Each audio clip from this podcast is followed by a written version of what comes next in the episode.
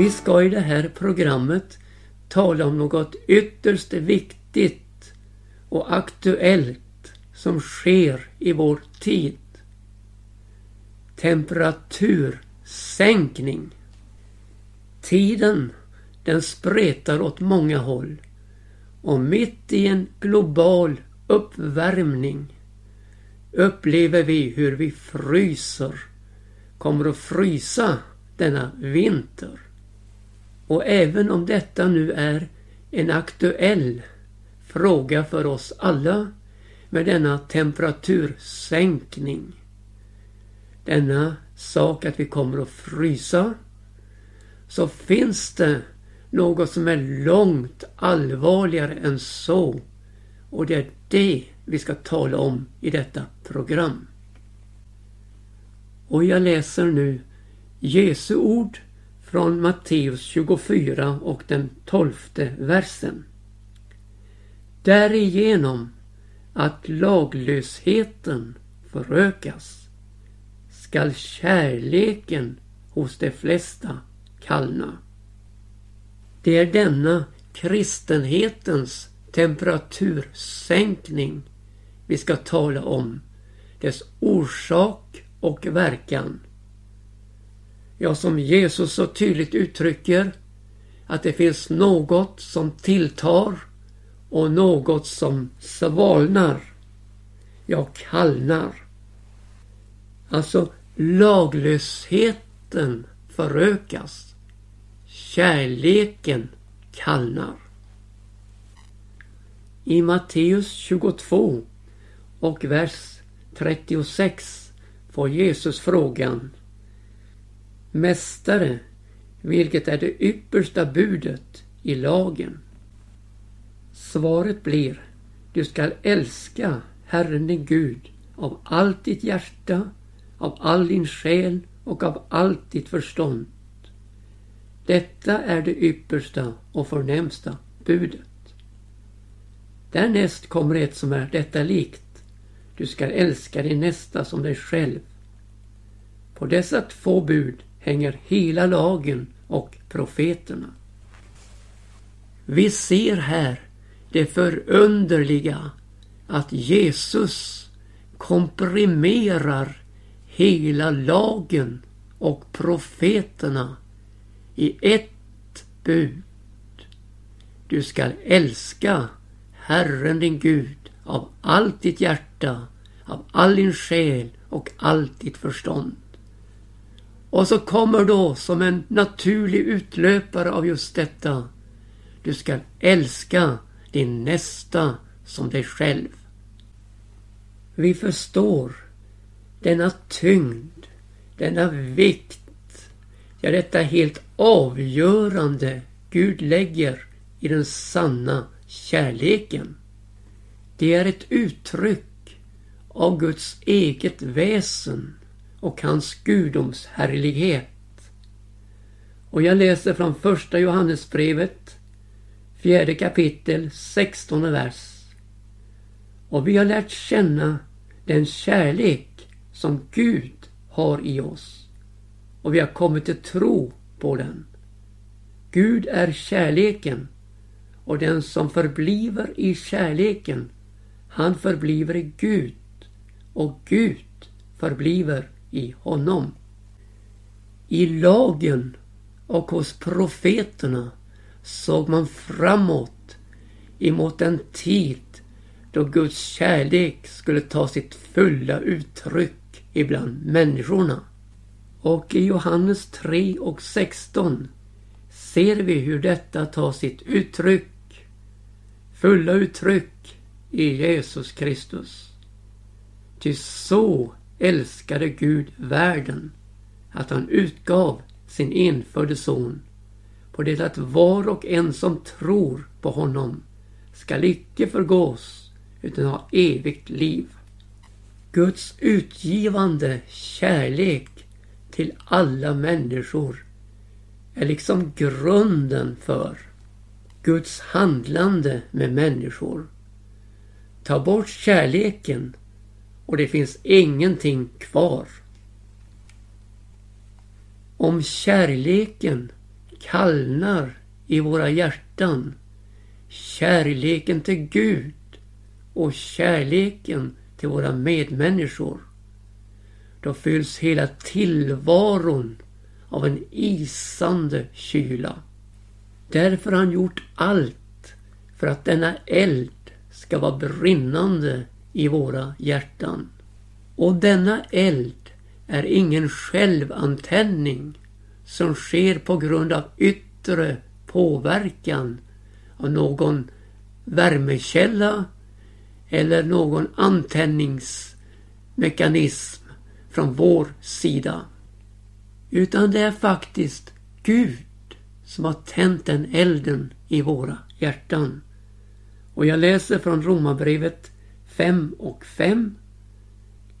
Guds kärlek är utgjuten i våra hjärtan genom den helige Ande, vilken har blivit oss given. Tänk du att Guds kärlek är inte inkapslad i våra liv, utan den är utgjuten med full påverkan på hela vår varelse. Prise Gud för det. En utgjuten kärlek från Gud genom en helige Ande. Som sträcker sig mot givaren, mot Gud. Men också mot våra medvandrare mot evigheten. Det går inte att hålla på kärleken för sig själv. Utan den visar sig i vår gemenskap med Gud. Och den visar sig i vårt handlande med våra medmänniskor. Ja, så bör det vara i vårt inre med en temperatur på kokpunkten. Inte bara med en kärlek som sjuder, men med en kärlek som kokar i brinnande intensitet för Jesus. Men nu måste jag tyvärr dra in temperatursänkningen i vår redogörelse. En kärlek som kallnar. Laglösheten är det påfallande draget i mänsklighetens nutidshistoria. I andra Thessalonikerbrevets andra kapitel och sjunde vers läser vi Redan är ju laglöshetens hemlighet verksam. Allenast måste den som ännu håller tillbaka först skaffas ur vägen. Vad innebär nu detta? Skippar man alla lagar? Nej, man, man frigör sig från Guds lag. Det är det det gäller. Det finns ett sönderslitande av naturliga band och bojor som Gud har försett oss med för att livet ska fungera. Ja, naturliga band slits av och onaturliga bojor påförs människor. Och ytterst sett är det en kamp mellan Herrens mode Jesus Kristus och denna världens furste. Och här har kärleken trånga kår. Kärleken till Gud. Kärleken till andra människor. Kärleken till den närmaste. Temperaturen har blivit så låg att det isnar i tiden. När Gud omstörtade Sodom och Gomorra, städerna där på slätten och lade dem i aska, så gjorde han det som ett varnande exempel för kommande tiders ogudaktiga människor. Vi har alltså en oerhörd varningssignal genom generationerna i det som hände med Sodom och Gomorra. Lev inte så här. Det finns naturligtvis många aspekter på hur folket i Sodom och Gomorra levde i sin ogudaktighet. Och jag vill beröra något av detta och dess historia. Det var ju så att i ett tidigare skeende så upplevde städerna då, Sodom och Gomorra, en strid där konungar hade förenat sig emot dem. Och folket blev bortfört med ägodelar och allt. Men så fick Abraham höra om det här och han sände sina 318 hemfödda tjänare för att återföra dem. Och då genom att strida mot dessa angripande konungar. Och han lyckades på detta sätt återföra dem till städerna och de återfick sin frihet. Man tycker väl som så då att detta borde vara en signal till att söka Abrahams Gud. Abrahams Gud som befriat dem från fångenskapen genom sin tjänare och vän Abraham. Men ogudaktigheten blossade upp med en oerhörd kraft och laglösheten tilltog. Och kärleken till Gud uteblev. Och vi fick detta historiens varnande exempel på ogudaktigheten. Så när Lot fick besök för att rädda honom undan den tillstundande domen, då ville man förgripa sig på änglarna. Man stormade fram och trängde in med våld på Lots hus och dörr för att spränga den. Men då kommer änglarna Lot till hjälp och drar honom in i huset. Och dessa män som vill spränga dörren blir slagna med blindhet. Och så för dem på Guds befallning Lot ut ur Sodom och från den tillstundande domen. Jag vet inte om jag lyckas beskriva det tilltagande våldet och den förökade ogudaktigheten. Men jag ser ju paralleller med vår tid. Landet, vårt land, har upplevt väckelse på väckelse. Befrielse på befrielse från syndens makt. Och Gud, han har gång på gång visat oss utgivandet från hans eget hjärta. Denna kärleksflod till människan som han älskar och vill frälsa. Men landet har förfallit i tilltagande våld och ogudaktighet på nivå med Sodom och Gomorra. Ja, man stormar fram för att spränga alla dörrar till människor som vill leva ett normalt liv. Märker du temperatursänkningen?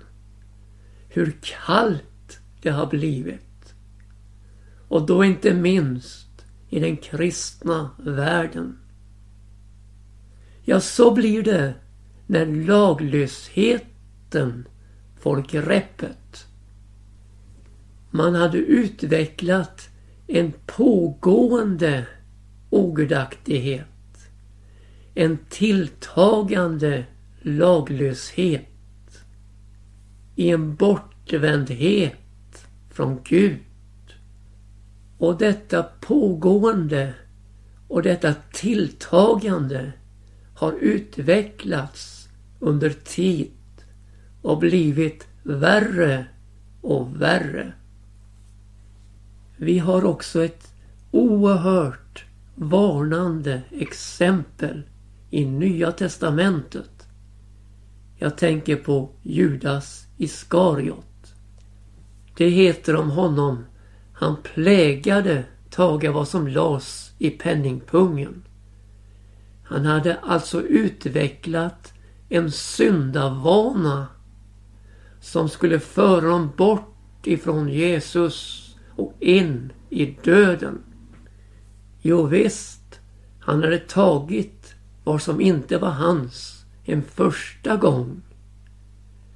Men nu tog han hela tiden.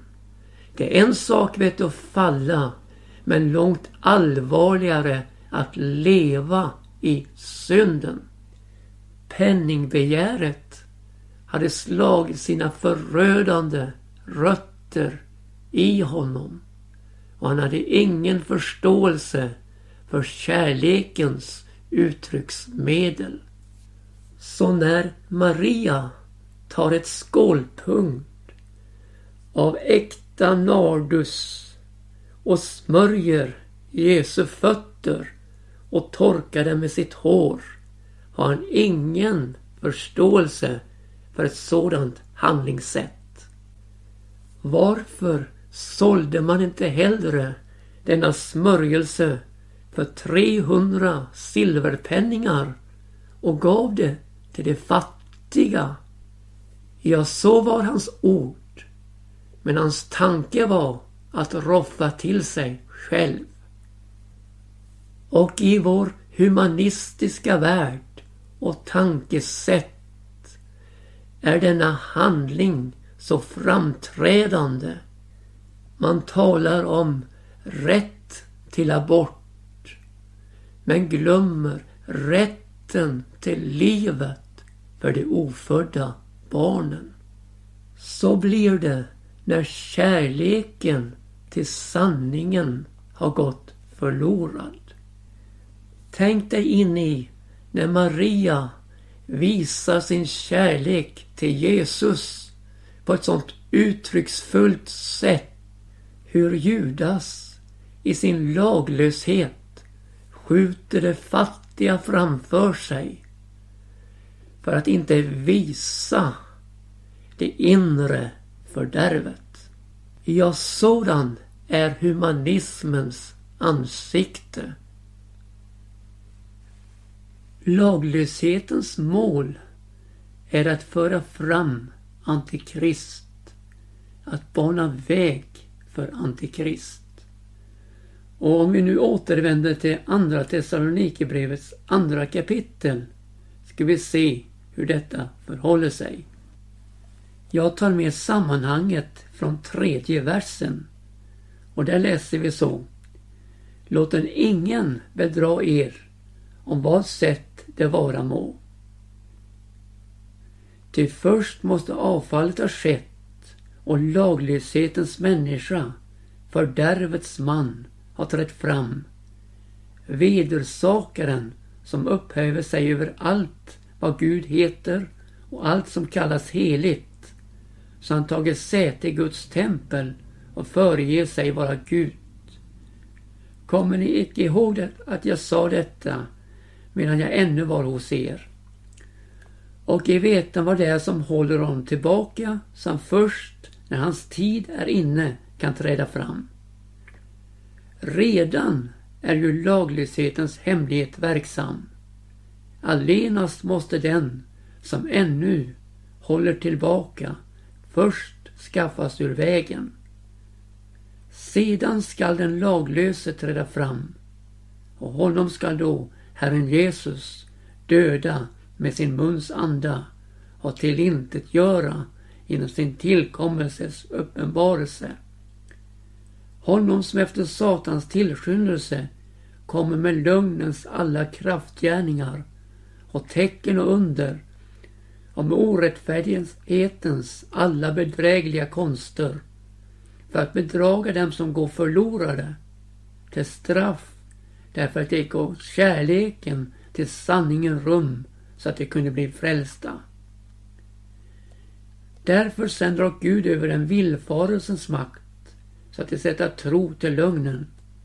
Att de ska bli dömda, alla dessa som icke satt tro till sanningen utan funnit behag i orättfärdigheten. Vilka allvarsord vi möter i den här texten. Och egentligen vill jag ju understryka varje mening, ja varje ord. Men jag får lov att nöja mig med att ta fram något.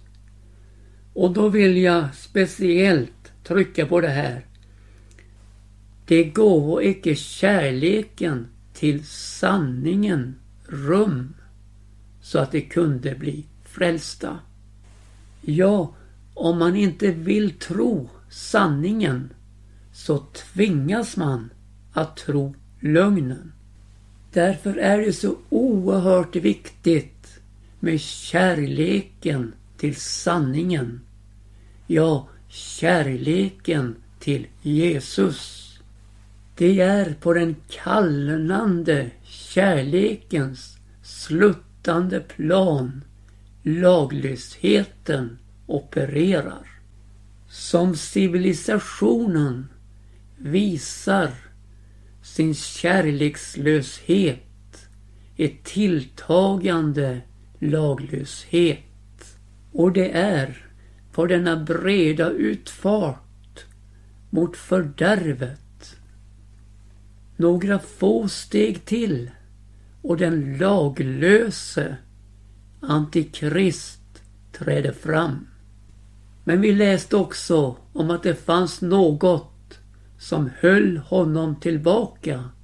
Så han först när hans tid var inne kunde träda fram. Och då har vi Guds folk som en buffert emot all ondska i tiden. Ja, Guds församling den levande Gudens församling är en barriär mot all ondska. Sanningens stödjepelare och grundfäste. Men när Jesus uppenbarar sig och hämtar hem sin församling, sin brud, ja då är det fritt fram för dessa fruktansvärda krafter men för en kort tid. För vi läste ju om att honom, Antikrist, skall Herren Jesus döda med sin muns anda och tillintetgöra genom sin tillkommelses uppenbarelse. Så visst når den andliga temperatursänkningen den absoluta nollpunkten. Men under mycket kort tid. Vi befinner oss i den yttersta tidens händelser och händelseutveckling. Och det innebär en upptur för laglösheten och en nedtur för kärleken. Och då vill jag ta med en mycket viktig punkt i Jesu undervisning om just den här tiden. Och jag läser igen från Matteus 24 kapitel och den tolfte versen.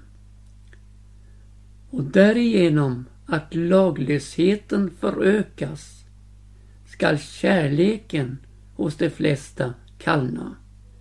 Men den som är ståndaktig intill änden, han ska bliva frälst. Och detta evangelium om riket ska bli predikat i hela världen till ett vittnesbörd för alla folk och sedan skall änden komma.